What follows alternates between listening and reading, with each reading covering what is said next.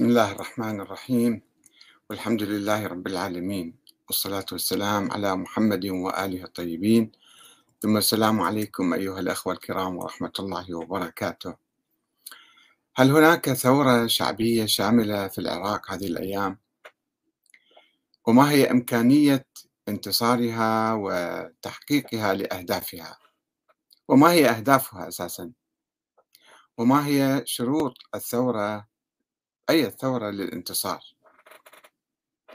الحقيقة لا شك هذه الجماهير الغاضبة المليونية أو على الأقل مئات الألوف التي تخرج بناء على دعوة السيد مقتدى الصدر للتظاهر أو لأداء صلاة الجمعة بالساحات أو لإحتلال مثلا البرلمان أو التظاهر أمام القضاء أو ما شابه.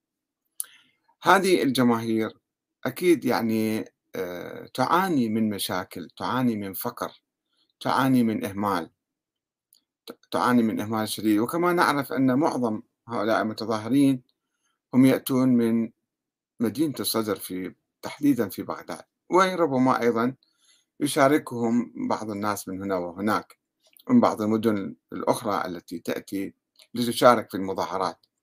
ف هذه المظاهرات تعبر عن أزمة في النظام العراقي.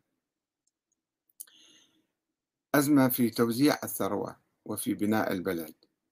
يعني آه، الفساد والسرقة مظهر من مظاهر هذه الأزمة. آه، المسؤولون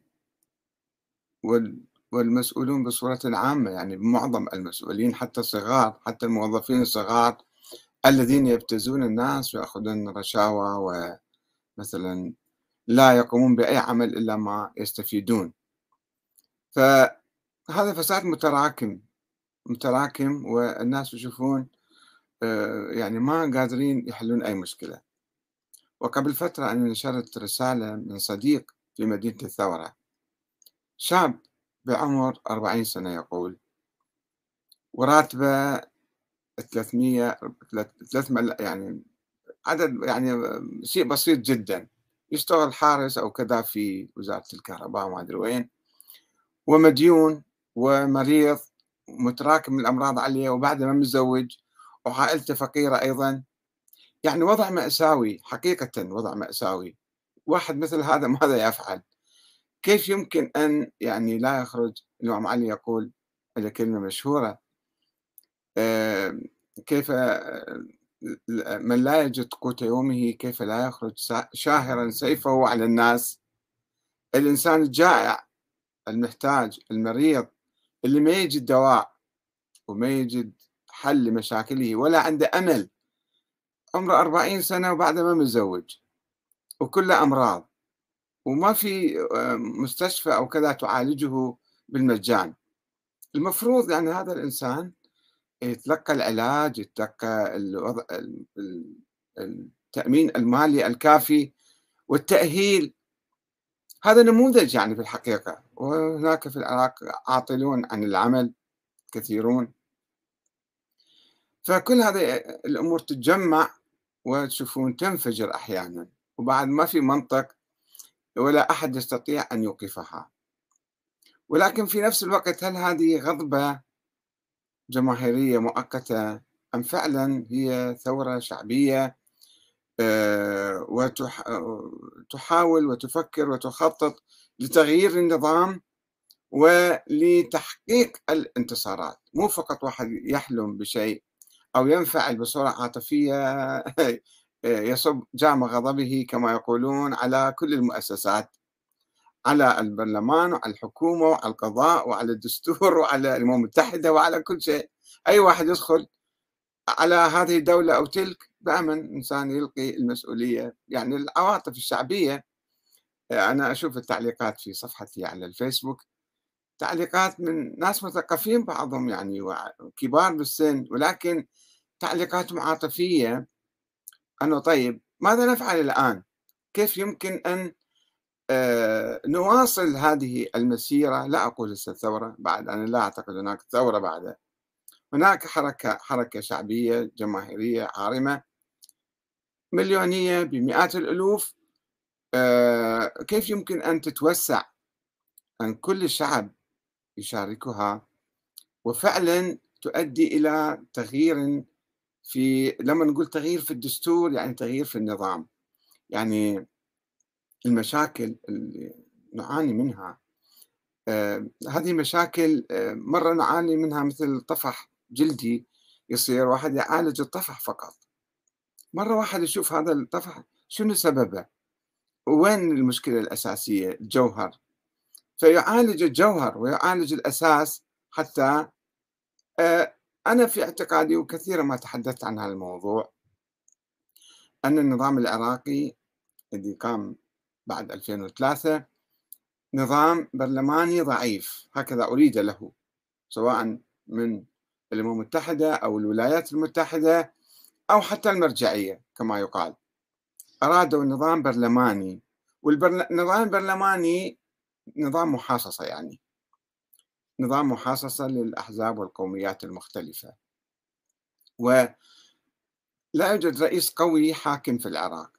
حتى رئيس الوزراء اللي هو على أساس قائد القوات المسلحة وبيده كل السلطات ولكنه ليس رئيسا للوزراء هو رئيس مجلس الوزراء وكل وزير عنده وزارة خاصة به إمبراطورية خاصة به يفعل فيها ما يشاء ولا يستطيع أن يتدخل.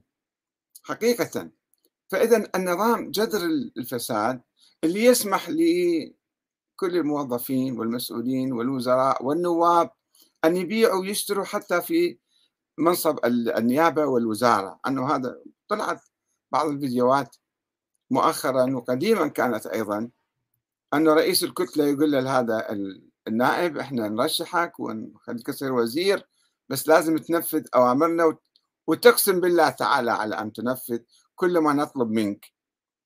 فهكذا السرقات تتم. السرقات والنهب العام هكذا يتم. وأيضا عندنا فتاوى الدولة أصلا هذه أموال الدولة مجهولة المالك. وهذه مراجعنا من السيد محمد الصدر من الخوئي من السيستاني من الفياض. كلهم يقولون أموال الدولة مجهولة المالك. فعندنا مشكلة عندنا مشكلة في احترام أموال الدولة وفي احترام الدولة أساسا. فالآن إحنا المهم نتقدم نحو الأمام نحو الإصلاح الحقيقي وننجح في هذا الإصلاح. هذا مهم. أم نتراجع إلى الوراء؟ في عدة مسائل لا تزال شائكة وعالقة في الثقافة العراقية وفي الحركة السياسية. لاحظوا الآن آه، يعني بصورة عامة لو نقرأ تاريخ المنطقة وتاريخ التاريخ الإسلامي عندنا دول دينية كانت وعندنا دول مدنية. الفكر العام السياسي يقول بأننا يجب أن يعني الدولة المدنية الدولة الدينية اللي ترفع شعارات دينية أو إسلامية أو غيرها تكون ديكتاتورية وتكون فاسدة أيضا. ولا بد من أن نتجه نحو الدولة المدنية. الدولة هذا شعار مطروح في الساحة السياسية نريد دولة مدنية حتى المرجعية تأكد عليها أنه لابد من الدولة تكون مدنية. طيب. الدولة مدنية يعني لازم تقدم فما يصير نرجع لورا بعد ما سوينا شوية بعض الخطوات باتجاه الدولة المدنية. هذه خطوة ثورية أن نسوي دولة مدنية حتى نستطيع أن نحاسب الحاكم. نحاسب المسؤولين نراقبهم. الدولة الدينية يقول لك لا شوفوا الآن أنتم المرجعية مثلا المرجعية شبه دولة دينية. المرجعية لا أحد يوجه إليها أصابع الاتهام. وفي فساد كثير في المرجعية حقيقة. أموال تدخل بالملايين بمئات الملايين كل سنة وتخرج. لا أحد يعرف هذه الأموال كم كم دخل من هذه الأموال وكم خرج. هذا فساد ما في محاسبة. لا أحد ي... أصلا ما ما موجود منطق المحاسبة في المرجعية. المرجعية أساسا كيف تنتخب مثلا؟ منو ينتخب هذا كيف يصير واحد مرجع مثلا؟ ويصير قائد ويصير عظيم. هذا أيضا في فساد. فساد سياسي في انتخاب المراجع وفي إدارة أموال المراجع. ولكن لأنهم ملفعين أو متلفعين بالدين أنه إحنا مرجعية دينية فما يجوز أحد يحاسبنا أو يراقبنا أو ينتقدنا أو كذا. إحنا كل شيء نعرف إحنا زين وما حد له حق يتكلم معانا. طيب إذا الدولة صارت مرجعية كلها إذا المرجع حكم مرجع حكم يقول لك أنا حاكم. وشلون بعد إحنا نجي نراقب هذا المرجع أو نحاسبه أو ننتقده؟ راح نرجع لي ورا. بدل ما نتقدم نحو الحياة الديمقراطية أن يكون الناس آه، قادرين على المراقبة والمحاسبة والنقد سواء في البرلمان أو في الشارع في المظاهرات أو مثلا في أي مجال. بالإعلام واحد ينتقد. لا هذا مقد... هذا خط أحمر. مقدس ما يجوز واحد يعني يصل إليهم أو ينتقدهم. فإذا أصبحت الدولة دينية دينية مزيفة ما عندنا بالدين دولة دينية. بالإسلام لا توجد دولة أساسا. يعني لم يتحدث القرآن الكريم عن نظام سياسي وعن شكل الدولة وكذا حتى نقول هاي دولة. يعني بالحقيقة الإسلام ترك آه، آه، الناس إلى الدولة المدنية. الناس هم ينتخبون فتصير دولة مدنية. النبي لم يعين أحدا خليفة من بعده حتى الناس هم ينتخبون. لو كان معين الإمام علي أو غيره كان صارت هاي دولة آه، دينية كما يقول الشيعة الإمامية مثلا. يعتبرون الأئمة هم معينين منصوبين مجعولين من, من الله تعالى. فبعد ما يجوز أن تنتقد الإمام أو تحاسبه أو تراقبه أو تغيره أو تسقطه أو تثور عليه هذا المنطق كله يروح. هذا وإذا واحد انتقد الإمام حتى بعضهم يحلون قتله. إذا واحد سب الإمام مثلا. في الدولة الدينية هكذا. إذا واحد انتقد في السعودية إذا واحد انتقد آه، الملك أو ولي عهد إما عشر سنوات أو إعدام يصير حكمه. فما يجوز تنتقد هذا. بينما الدولة الديمقراطية لا أنت تنتقد رئيس الجمهورية تنتقد أي واحد كان أي مسؤول أي وزير. فإذا شوفوا عندنا إحنا ننتقل من ثقافة الدولة الدينية إلى ثقافة الدولة المدنية الديمقراطية. وهذا صار عليه شغل من سنوات وعقود أن ننتقل حتى نظرية ولاية الفقيه. إحنا بالعراق يعني تقدمنا خطوة نحو الأمام ما عندنا ولاية فقيه عندنا نظام ديمقراطي بس مو تحت ولاية الفقيه. ولو عمليا المرجعية لا تزال هي تفرض نفسها وهي تعتقد أنها هي آه، عندها ولاية فقيه على الناس والمرجع يعتبر نفسه هو آه، ولي أمر المسلمين في كل العالم وهو الحاكم الشرعي وهاي مو حكومة شرعية. بعدنا ثقافتنا ننتقل من حالة إلى حالة. فنحتاج تعميق وتركيز وترسيخ هذه الثقافة المدنية الديمقراطية. فإذا تراجعنا عنها إلى التاريخ القديم يعني إحنا ما سوينا الثورة بالعكس آه، كرسنا الاستبداد والطغيان والفساد مع بعض مع, مع ذلك. آه، قبل أيام يومين ثلاثة سمعت فيديو أو محاضرة للسيد رشيد الحسيني اللي دائما هو تقريبا يشرح فتاوى السيد السيستاني ويتكلم في قناة الفرات أعتقد. آه، يقول الثورة آه، لابد لها من شروط. ما يصير واحد يقوم بتمرد أو يقوم بثورة إلا بشروط. والشروط اللي يعتقدها هو ويطرحها يقول يعني مثلا في زمان الإمام المعصوم يجب أن نستمع إلى الإمام المعصوم. ما يجوز إحنا آه، أن نقوم بثورة إلا الإمام المعصوم. طيب هناك عدد من الأئمة في التاريخ إذا نرجع للتاريخ. الإمام زين العابدين كما يقول في الكليني وفي آه، آه، الصدوق يقولون أنه هو كان يأمر بطاعة الحكام الأمويين. أو هناك روايات في عن الإمام موسى بن جعفر آه، تنهى عن الثورة على هارون الرشيد وتقول لازم أنتم تطيعون هذا الخليفة. قد تحدثنا عنها سابقا. آه، طيب هنا إحنا في يعني مع نظرية الإمامة اللي عندي يرجعون لي ورا أنه نظرية الإمامة أنه ما يجوز واحد يقوم بأي ثورة. طبعا في ذيك الأيام عامة الشيعة في القرن الثاني والثالث لم يكونوا إماميين. كانوا أقرب إلى الزيدية وكانت ثورات زيدية عديدة. الإمام زيد أول واحد خرج. لم يستشر الإمام الصادق عندما خرج.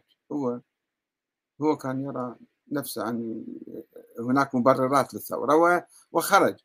آه، يحيى ابن آه، ابن زيد. ثم آه، محمد بن عبد الله ذي النفس الزكية أيضا خرج. بعيدا عن إذن الإمام الصادق أو استشارته أو كذا. والثورات المتتالية. الثورة الثورات التي قامت على العباسيين في القرن الثاني والثالث وربما حتى في القرن الرابع. فإذا هاي النظرية الإمامية تقول لا ما يجوز. كلها ثورات باطلة ومو صحيحة لازم تأخذ إذن من الإمام. واستمر هذا الكلام هذا الكلام مع الاعتقاد بوجود الإمام الثاني عشر وغيبته ألف سنة الشيعة كانوا يقولون إحنا لا يجوز أن نقوم بثورة إلا مع الإمام المعصوم. إلى فترة قريبة إلى قبل خمسين ستين سنة في الستينات حزب الدعوة هذا موجود في كتب حزب الدعوة آه، كانوا يريدون يشكلون حكومة أو يسعون إلى تأليف حكومة أو قيام بثورة مثلا. فذهبوا إلى السيد محسن حكيم كان المرجع ذيك الأيام. فقالوا إحنا نريد نشكل قال لهم لا. إحنا يجب أن نعمل على نشر التدين ونسأل الله الفرج للإمام مهدي حتى يخرج. إحنا مو شغلنا أن نسوي ثورة. هذا يعني شرط تعجيزي في الحقيقة. هو مو موجود. ألف سنة الشيعة قاعدين يقولون نحن في عصر التقية والانتظار. لا يجوز القيام بأي عمل ثوري أو حكومة أو تشكيل حكومة. فكر سلبي. حتى الشيخ الصدوق محمد بن علي بن بابويه الصدوق كان يقول وذيك الأيام كان في جدل. أنه خلينا نسوي ثورات والثورات كانت قائمة في القرن الرابع الثورات الشيعية غير الإمامية. فعرضوا على آه، الشيعة الإمامية. الشيخ محمد بن علي بن بابويه الصدوق قال ما يجوز. إذا إحنا تبنينا هذا الرأي وقلنا كل واحد يجي يسوي حكومة حتى تحت ولاية الفقيه قال ما يجوز. لأنه هذا خروج عن دين الإمامية. فعلا خروج عن مذهب الإمامية. إذا واحد سوى لذلك أنا أقول الثورة الإيرانية والثورة الشيعية العامة في المنطقة هي آه، ثورة على الفكر الإمامي قبل أن تكون ثورة على نظام الشاه أو على نظام صدام حسين. فالآن هذا الفكر يعود مرة ثانية. السيد رشيد الحسيني وهو صديق عزيز وقديم من أيام حوزة القائم. آه، يقول لازم تأخذون إذن الإمام. وإذا الإمام مو موجود لازم تأخذون آه، إذن المرجع. طيب إذا المرجع ساكت ما يتكلم أصلا. شو نسوي إحنا؟ طبعا هذا فكر أيضا كان في منظمة العمل في بداية تأسيسها السيد محمد الشيرازي أيضا كان والسيد حسن الشيرازي كانوا يقولون لا يمكن القيام بأي ثورة أو عمل عسكري أو إقامة حكومة إلا بإذن آه، المراجع المجتهدين الفقهاء المجتهدين. الآن بدأ هذا الفكر يعود مرة ثانية، طيب الآن إحنا في هاي الأزمة السيد رشيد الحسيني حفظه الله آه، يقول لازم آه، من شروط الثورة أن تأخذ إذن من الإمام أو من المرجع إذا المرجع ساكت ما يقول أي شيء لا يقول ثوروا ولا يقول لا ثورون الآن أزمة قائمة بالعراق. آه، هناك مظاهرات غاضبة للشعب العراقي وتطالب بالتغيير تطالب بالإصلاح تطالب بتعديل الدستور. المرجعية اللي هي دعت إلى التصويت على هذا الدستور ساكتة وما تتحدث أي شيء. أو ترفض التعديل ترفض تعديل الدستور كما قال سيد محمد رضا قبل سنتين ثلاثة. طيب ماذا نفعل؟ طيب هذا الفكر راح يشيل قطاع كبير من الشعب العراقي من الشيعة خصوصا. لا لا يدفعهم أو يمنعهم من المشاركة في هذه الثورة القائمة. ثورة التيار الصدري خلينا نسميها الآن ثورة التيار الصدري. قبل ما تتوسع حتى يعني إذا نريد نسوي ثورة شعبية فيجب أن تمتد لكل القطاعات ولكل القوميات ولكل المناطق. ما تكون مقتصرة على حزب واحد وعلى تيار واحد. فالتيار المرجعي ساكت ولا يؤيد هذه الانتفاضة أو هذه الحركة مثلا حركة المظاهرات. يعني لا, لا, لا يمكن أن نقوم بثورة شعبية شاملة لأنه قطاع كبير. من مقلدي السيد السيستاني لا يشاركون متفرجين. وطبعا جماهير الإطار أيضا هي ضد هذه الحركة فصار جماهير الشيعة فضلا عن الأكراد اللي مبتعدين أو ما يسمى بالمكون السني أيضا هم ما منخرطين بهاي الحركة بصورة جدية يمكن بعض الأشخاص إجوا بعض الزعماء فصارت الحركة مقتصرة على التيار الصدري. طيب صار ضع... صارت ضعيفة هاي الحركة. ما يمكن أن تقوم بثورة شعبية شاملة تغير النظام. طيب هذه مشكلة مشكلة الفكر المرجعي لا يزال يحكم والناس كلهم يقولون شو المرجع شو يقول؟ إذا سكت المرجع لازم نسكت إذا تحرك لازم نتحرك. فهذه راح يصير يعني شلل في الحركة الشعبية. ثم نجي على آه، نفس التيار الصدري. أو سيد مقتدى مثلا أنه هو ماذا يريد؟ حتى الآن المسألة مو واضحة. يعني فقط كم واحد مثلا فاسدين على قوله أو زعمه هذول نشيلهم ما نخليهم يشاركون ما نخليهم يسوون حكومة. فقط على يعني على أشخاص أم أم هناك فساد كبير في النظام ولا بد من إصلاح النظام. إذا اتفقنا على أنه النظام كله في خلل وفي مشكلة ويحتاج إلى إصلاح طيب هذا النظام مبني على دستور دستور متفق عليه مصوت عليه من غالبية الشعب العراقي صار دستور عراقي. والسيد المقتدى الصدر والتيار الصدري دخلوا في هذا النظام ودخلوا في الانتخابات وأقسموا على احترام هذا الدستور. هل يمكن لمن أقسم على الدستور أن يجي مثلا يقول أنا بطلت بعد ما أريد هذا الدستور؟ في حالة فورة فورة غضب وانفعال عاطفي أنه هذا الدستور ما نريده نريد نغيره. طيب كلنا كلنا ندعو إلى تغيير الدستور ولكن كيف؟ نجي نحتل البرلمان. هل هذا هو طريق صحيح؟ نحتل البرلمان نوقف العملية الديمقراطية أنه لو إحنا نشكل حكومة لو ما نخليكم لو نلعب لو ما نخليكم أحد يلعب بالساحة.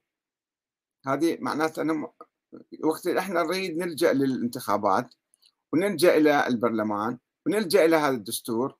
وقت اللي ما يصب في خانتنا فإحنا راح نصير ضده ونمنع الآخرين من الاستحقاق اللي يكون لهم مثلا. طيب. فاذا صار عندنا ارتباك. الهدف مو واضح. الثورة لابد أن تحدد هدفها بوضوح حتى تتقدم إلى الأمام. إذا ما حددت هالأمور راح ترجع لي ورا وتنتكس وما تؤدي إلى نتيجة معينة. طيب هناك دعوات من التيار الصدري من سيد مقتدى إلى القضاء. أن أيها القضاة تعالوا حكموا تعالوا حلوا هذا البرلمان. القضاة القضاة قالوا إحنا هذا مو شغلنا. أو الآن قالوا يابا إحنا راح نشكل جلسة ونبحث الموضوع. طيب يبحثون الموضوع. إذا طلعت النتيجة قالوا إحنا مو مو من من حقنا ولا من إمكانيتنا أن نحل هذا النظام أو نلغي الدستور مثلا. مو من مو من حقهم يعني يقوموا بذلك. طيب نروح إلى وين الخطوة التالية إلى رئاسة الجمهورية. رئيس الجمهورية يقول أنا رئيس يعني منتهي الصلاحية. أنا مو رئيس يعني لازم يغيروني حتى يجي رئيس جديد حسب الانتخابات الماضية. هو باقي بدون يعني تصريف أعمال رئيس الوزراء ورئيس الجمهورية. طيب إذا ما قبل هم نروح نحتل القصر الجمهوري مثلا نسوي مظاهرات عن قصر الجمهور شنو بيد رئيس الجمهورية؟ ما بيد شيء. هناك دعوات من السيد مقتدى إلى الأمم المتحدة. تعالوا أنتم سووا حوار وطني حوار شامل. الأمم المتحدة قالوا إحنا هذا مو طريقة آه، لإصلاح النظام أن واحد يحتل البرلمان أو يحتل القضاء وقالوا هذا حيؤدي إلى مشاكل كبيرة في المستقبل. ويعقد المسألة أكثر ما يحلها. طيب شو نسوي الآن إحنا؟ الجماهير غاضبة وتطالب بالإصلاح. خلينا نحدد إحنا مثلا هذا الدستور اللي نلعنه ودائما نصب جامل غضب عليه. أنه شنو معنى الدستور؟ وكيف يمكن التقدم نحو الأمام لإنجاز الأهداف المطلوبة أهداف الإصلاح؟ يعني أكيد لابد من الحوار من الالتقاء من التنازل. يعني هذه مثل ما نقول هناك ثورة شعبية. الثورة الشعبية هي اللي الشعب كله يشارك فيها والشعب كله ينادي بأهداف وأهداف واضحة وعنده قيادة حكيمة وعليمة وواضحة وخطواتها مدروسة. آه، هذا ما موجود الآن في هذه الحركة. يعني إحنا نشوف آه، في تيار معين حزب معين آه، جماعة السيد مقتدى يقول تعالوا اطلعوا مظاهرات يطلعون. روحوا صلوا جمعة يصلون. روحوا بالبيت يرجعوا يرجعون. فما صارت حركة شعبية الحركة الشعبية هي التي الشعب يقرر فيها. ما يتمكن واحد شخص روحوا روحوا تعالوا تعالوا. شاركوا بالبرلمان يا يعني نواب تعالوا بالانتخابات شاركوا بالانتخابات. يشاركون بعدين يقولون تعالوا اطلعوا برا. استقيلوا كلكم مرة واحدة. من دون ما يسألهم من دون ما يستشيرهم من دون ما ياخذ رأيهم هذول النواب. فهذه ما تصير عملية يعني حكيمة في التقدم نحو الأمام. الإصلاح مطلوب. وثم يعني عندما إحنا آه، نجعلنا قيادة مثل قيادة السيد مقتدى. بالنسبة للثيار أتكلم. أنه هذا هو كل شيء يعرف. وهو يعني مو الامام مهدي. البعض يقول هو الامام مهدي البعض يقول لا هو فوق الامام مهدي. الامام مهدي يسير في ركابه. الاعلام التياري. طيب هذا آه، يعني إذا افترض نجحنا وسقطنا هذا النظام كله مرة واحدة وسقطنا كل المؤسسات والسيد مقتدى صار هو ولي أمر المسلمين هل هذا تقدم نحو الأمام؟ هل يمكن الآن واحد يناقش السيد أو يحاسبه أو يراقبه أو ينتقده فكيف إذا حكم العراق؟ كيف إذا أصبح هو المرجع الأعلى؟ كيف إذا أصبح هو الرئيس الأعلى بالعراق؟ هل يمكن إحنا بعد نحافظ على حياة ديمقراطية وعلى آه، انتقاد الفساد الموجود اللي يمكن أن يحدث والآن موجود في التيار الصدري نفس السيد مقتدى كم مرة جمع أفراد من اعتقل أفراد من التيار الصدري وحاسبهم وأخذ من عندهم فلوس وقال لهم أنتم متهمين وما شابه طيب هل يستطيع أحد من خارج التيار أن ينتقد التيار ويقول دول فيهم لصوص وحرامية وفاسدين وسراق مثلا؟ أم لا يجوز؟ لا إذا هو السيد قرر إيه إذا لا لا. فهذه مثل حركة شعبية. الثورة لازم تكون ثورة شعبية. ثورة ديمقراطية. يعني شنو ثورة ديمقراطية؟ يعني كل إنسان هو يأمر بالمعروف وينهى عن المنكر ويشوف هذا معروف أو هذا منكر. مو يأجر عقله إلى شخص معين أو إلى قائد معين وهو بعد لا يفكر أبدا. كل ما يقول له روح منا روح منا تعال منا تعال ارجع ارجع روح تقدم. فهذه مو عملية ثورية. ما يمكن تؤدي إلى نتائج إيجابية. يعني الآن أنتظر الآن كأن الوضع في طريق مسدود ومؤسسات الدولة كلها معطلة. بكرة سيد المقتدي ولا روحوا ارجعوا لبيوتكم. نتيجة اتفاق معين أو حوار معين أو شيء. فالثورة تنتهي. هذا مو ثورة ما صارت ثورة. صارت مظاهرات حزبية. آه، ما عندها أهداف واضحة ولا تعرف شو تريد. ولا تتقدم نحو الأمام. ونبقى نعيد الآن المطلب المطروح إعادة الانتخابات. طيب أعدنا الانتخابات ثم ماذا؟ شو يصير بعدين؟ عليها قانون؟ وفازوا التيار الصدري كلهم بالانتخابات القادمة. وورا يومين ثلاثة سيد مقتدى قال يابا تعالوا اطلعوا برا استقيلوا بطلنا مرة إذا هاي الحكومة. لأن ما وافقوا عليها مثلا. هذا شنو رجعنا نفس نقطة الصفر. يعني يعني ما ما تقدم نحو الأمام. ما ما هي آه الإصلاحات والتعديلات التي ننادي بها على الدستور؟ نريد دستور رئاسي حتى يكون قوي. طيب كيف يمكن إحنا نتفق مع بقية أعضاء ومكونات الشعب العراقي على هذا الدستور الرئاسي؟ هل يمكن وحدنا إحنا نقول هذا يسقط هذا الدستور ونجيب دستور نركبه على الشعب العراقي أم يجب أن كل الشعب يصوت عليه؟ أن آه، إما مجلس النواب أو أي هيئة أخرى نتفق عليها تقعد تعدل الدستور وتطرح على المكونات وتتفاهم معاهم وتتفق ثم تطرح على التصويت العام والشعب يصوت عليه. هاي الطريقة المعقولة. أما بغير الطريقة كيف؟ إحنا نريد نسقط الدستور هذا الدستور مو زين. قانون الانتخابات مو زين. القضاء فاسد. الأمم المتحدة آه، عميلة وفاسدة ومدري شنو. بالنتيجة وين راح نروح؟ شو نسوي؟ هل يمكن نتقدم مع هاي الحالة؟ وقطاعات كبيرة من الشعب العراقي قاعد تتفرج وساكتة أو مو متفاعلة معانا. والمرجعية والناطقين باسمها مثلا يقول لك لازم بشرط المرجعية ما تسوي ثورة وما تسوي كذا إلا بإذن المرجعية. والمرجعية ساكتة. شلون إحنا نحل أمورنا؟ عندنا مشكلة عميقة. أنه بدنا نتجه نحو الدولة الدينية مرة ثانية بدنا نرجع لورا. أن يجي واحد معمم أو يقول لك أنا ولي الفقيه أو أنا كذا وكذا وهو يجي يحكم. هاي صارت نقول دائما الإصلاحيون يطالبون بفصل الدين عن السياسة. أنا ما أتفق مع ذلك. الدين لازم يكون في عمق السياسة. ولكن فصل ما يسمى برجال الدين. المعممين عن السياسة. لأن المعمم سواء كان شيخ صغير ولا خطيب على المنبر ولا زعيم سياسي ولا مرجع يقول لك أنا مرجع ديني هو مو مرجع ماكو شيء اسمه مرجع ديني بالإسلام. ماكو شيء اسمه مرجع ديني بالإسلام.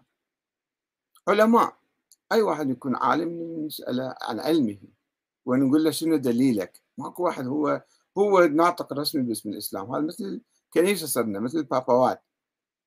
فما يصير إحنا مع هاي الثقافة آه، آه، يعني نرجع لورا. إنه الآن شوفوا السيد رشيد الحسيني ما يصير تتحركون ما يصير تسوون ثورة ما يصير تسوون أي شيء إلا بإذن المرجعية والمرجعية ساكتة. فإحنا شو نسوي؟ شلون يمكن نتقدم نحو الأمام؟ يجب أن نحل هذه المشاكل. المشاكل الفكرية والنظام العام اللي عندنا بعد النظام بين قوسين ديني هو مو ديني بين قوسين ديني مش اسمه ديني. لأنه معمم ولحية وكذا ويتكلم باسم الله صار كأنه هو ناطق رسمي باسم الله. ف في هالحالة إحنا راح نرجع لورا ما راح نتقدم للأمام. يجب أن نفكر بعقل مو بعواطف وانفعال وسب وشتم وتهريج وكذا. هذا ما يؤدي بنا إلى نتيجة.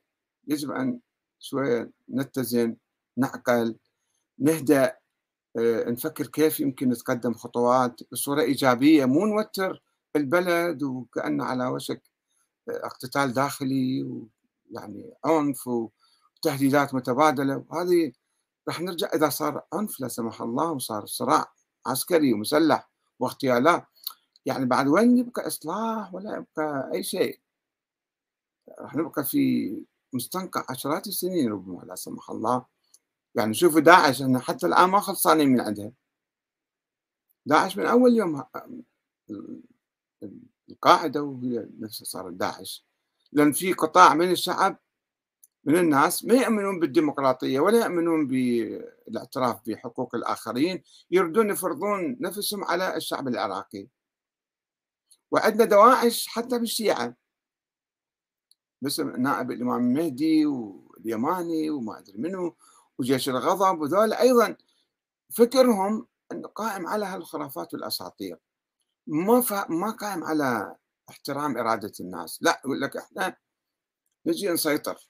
نقتل الناس وكذا ونسيطر. جيش الغضب.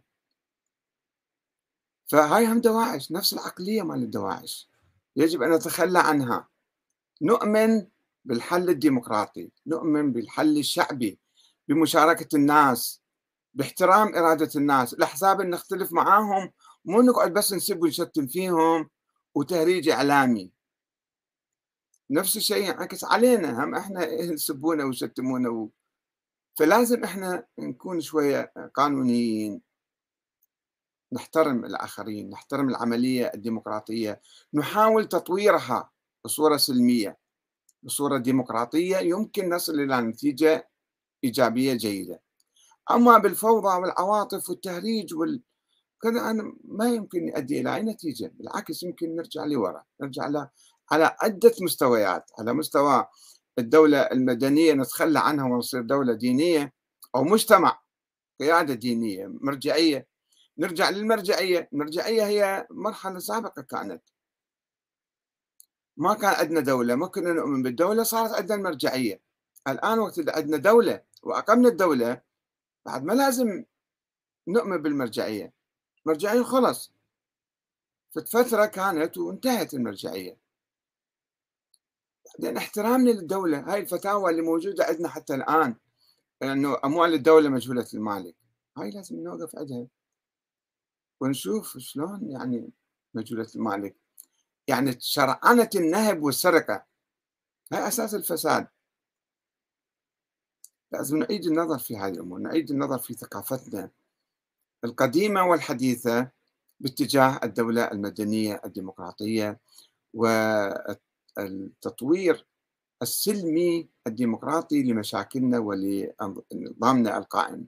مو نجي نهدم هذا النظام على المعبد نهدم المعبد على رؤوسنا وما نحصل شيء مجرد آه، يعني آه، يصير عاصفة في فنجان كما يقولون وتنتهي الأمور أو يصير فتنة مستديمة لا نخرج منها إلى عشرات السنين. نسأل الله أن يوفقنا ويوفق السيد مقتدى والتيار الصدري وكل المظلومين والمحرومين اللي هم يعانون الآن أن يفكروا بعقل وحكمة من أجل المحافظة على السلم أولا السلم الاجتماعي والمحافظة على النظام النظام العام أقصد وتطوير الدستور مو نجي نهدم كل المؤسسات مرة واحدة وفي حالة غضب وننتهي بعدين نرجع لورا. والسلام عليكم ورحمة الله وبركاته.